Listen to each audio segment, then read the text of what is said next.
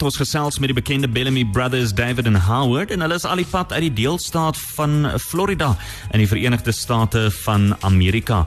En uh, good morning guys, uh, how is the so-called lockdown regarding the coronavirus affecting you guys? Well, how about you, David? Well, I think it's changed quite a few things. Um, it it kind of halted all of our touring sort of uh, suddenly.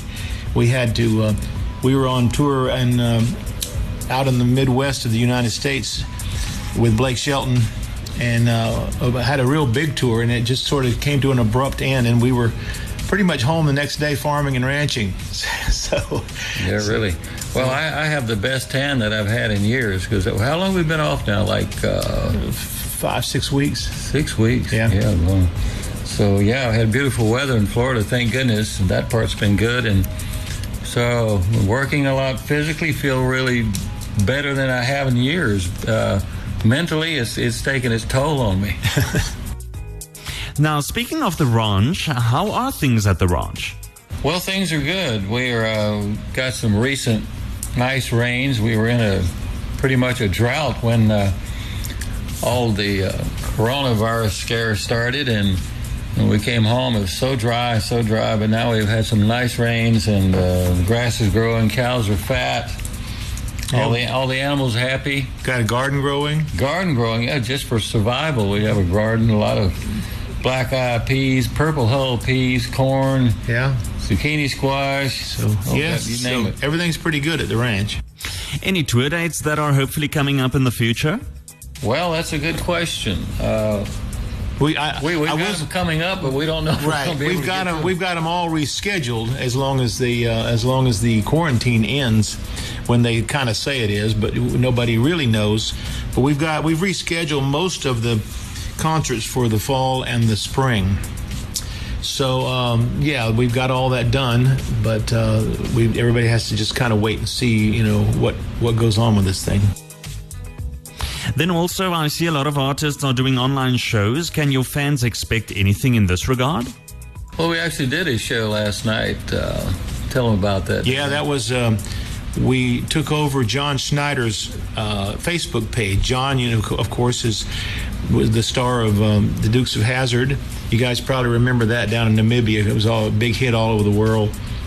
But um, we took over his Facebook page and we played some songs and we answered some questions and uh, it was uh, it was fun. It was kind of interesting to see uh, people writing in, you know, the questions that people ask. So uh, and and I, we're going to be on Instagram again, uh, I think, with John uh, tonight. So you, you can look around. You can still see it. It's still up.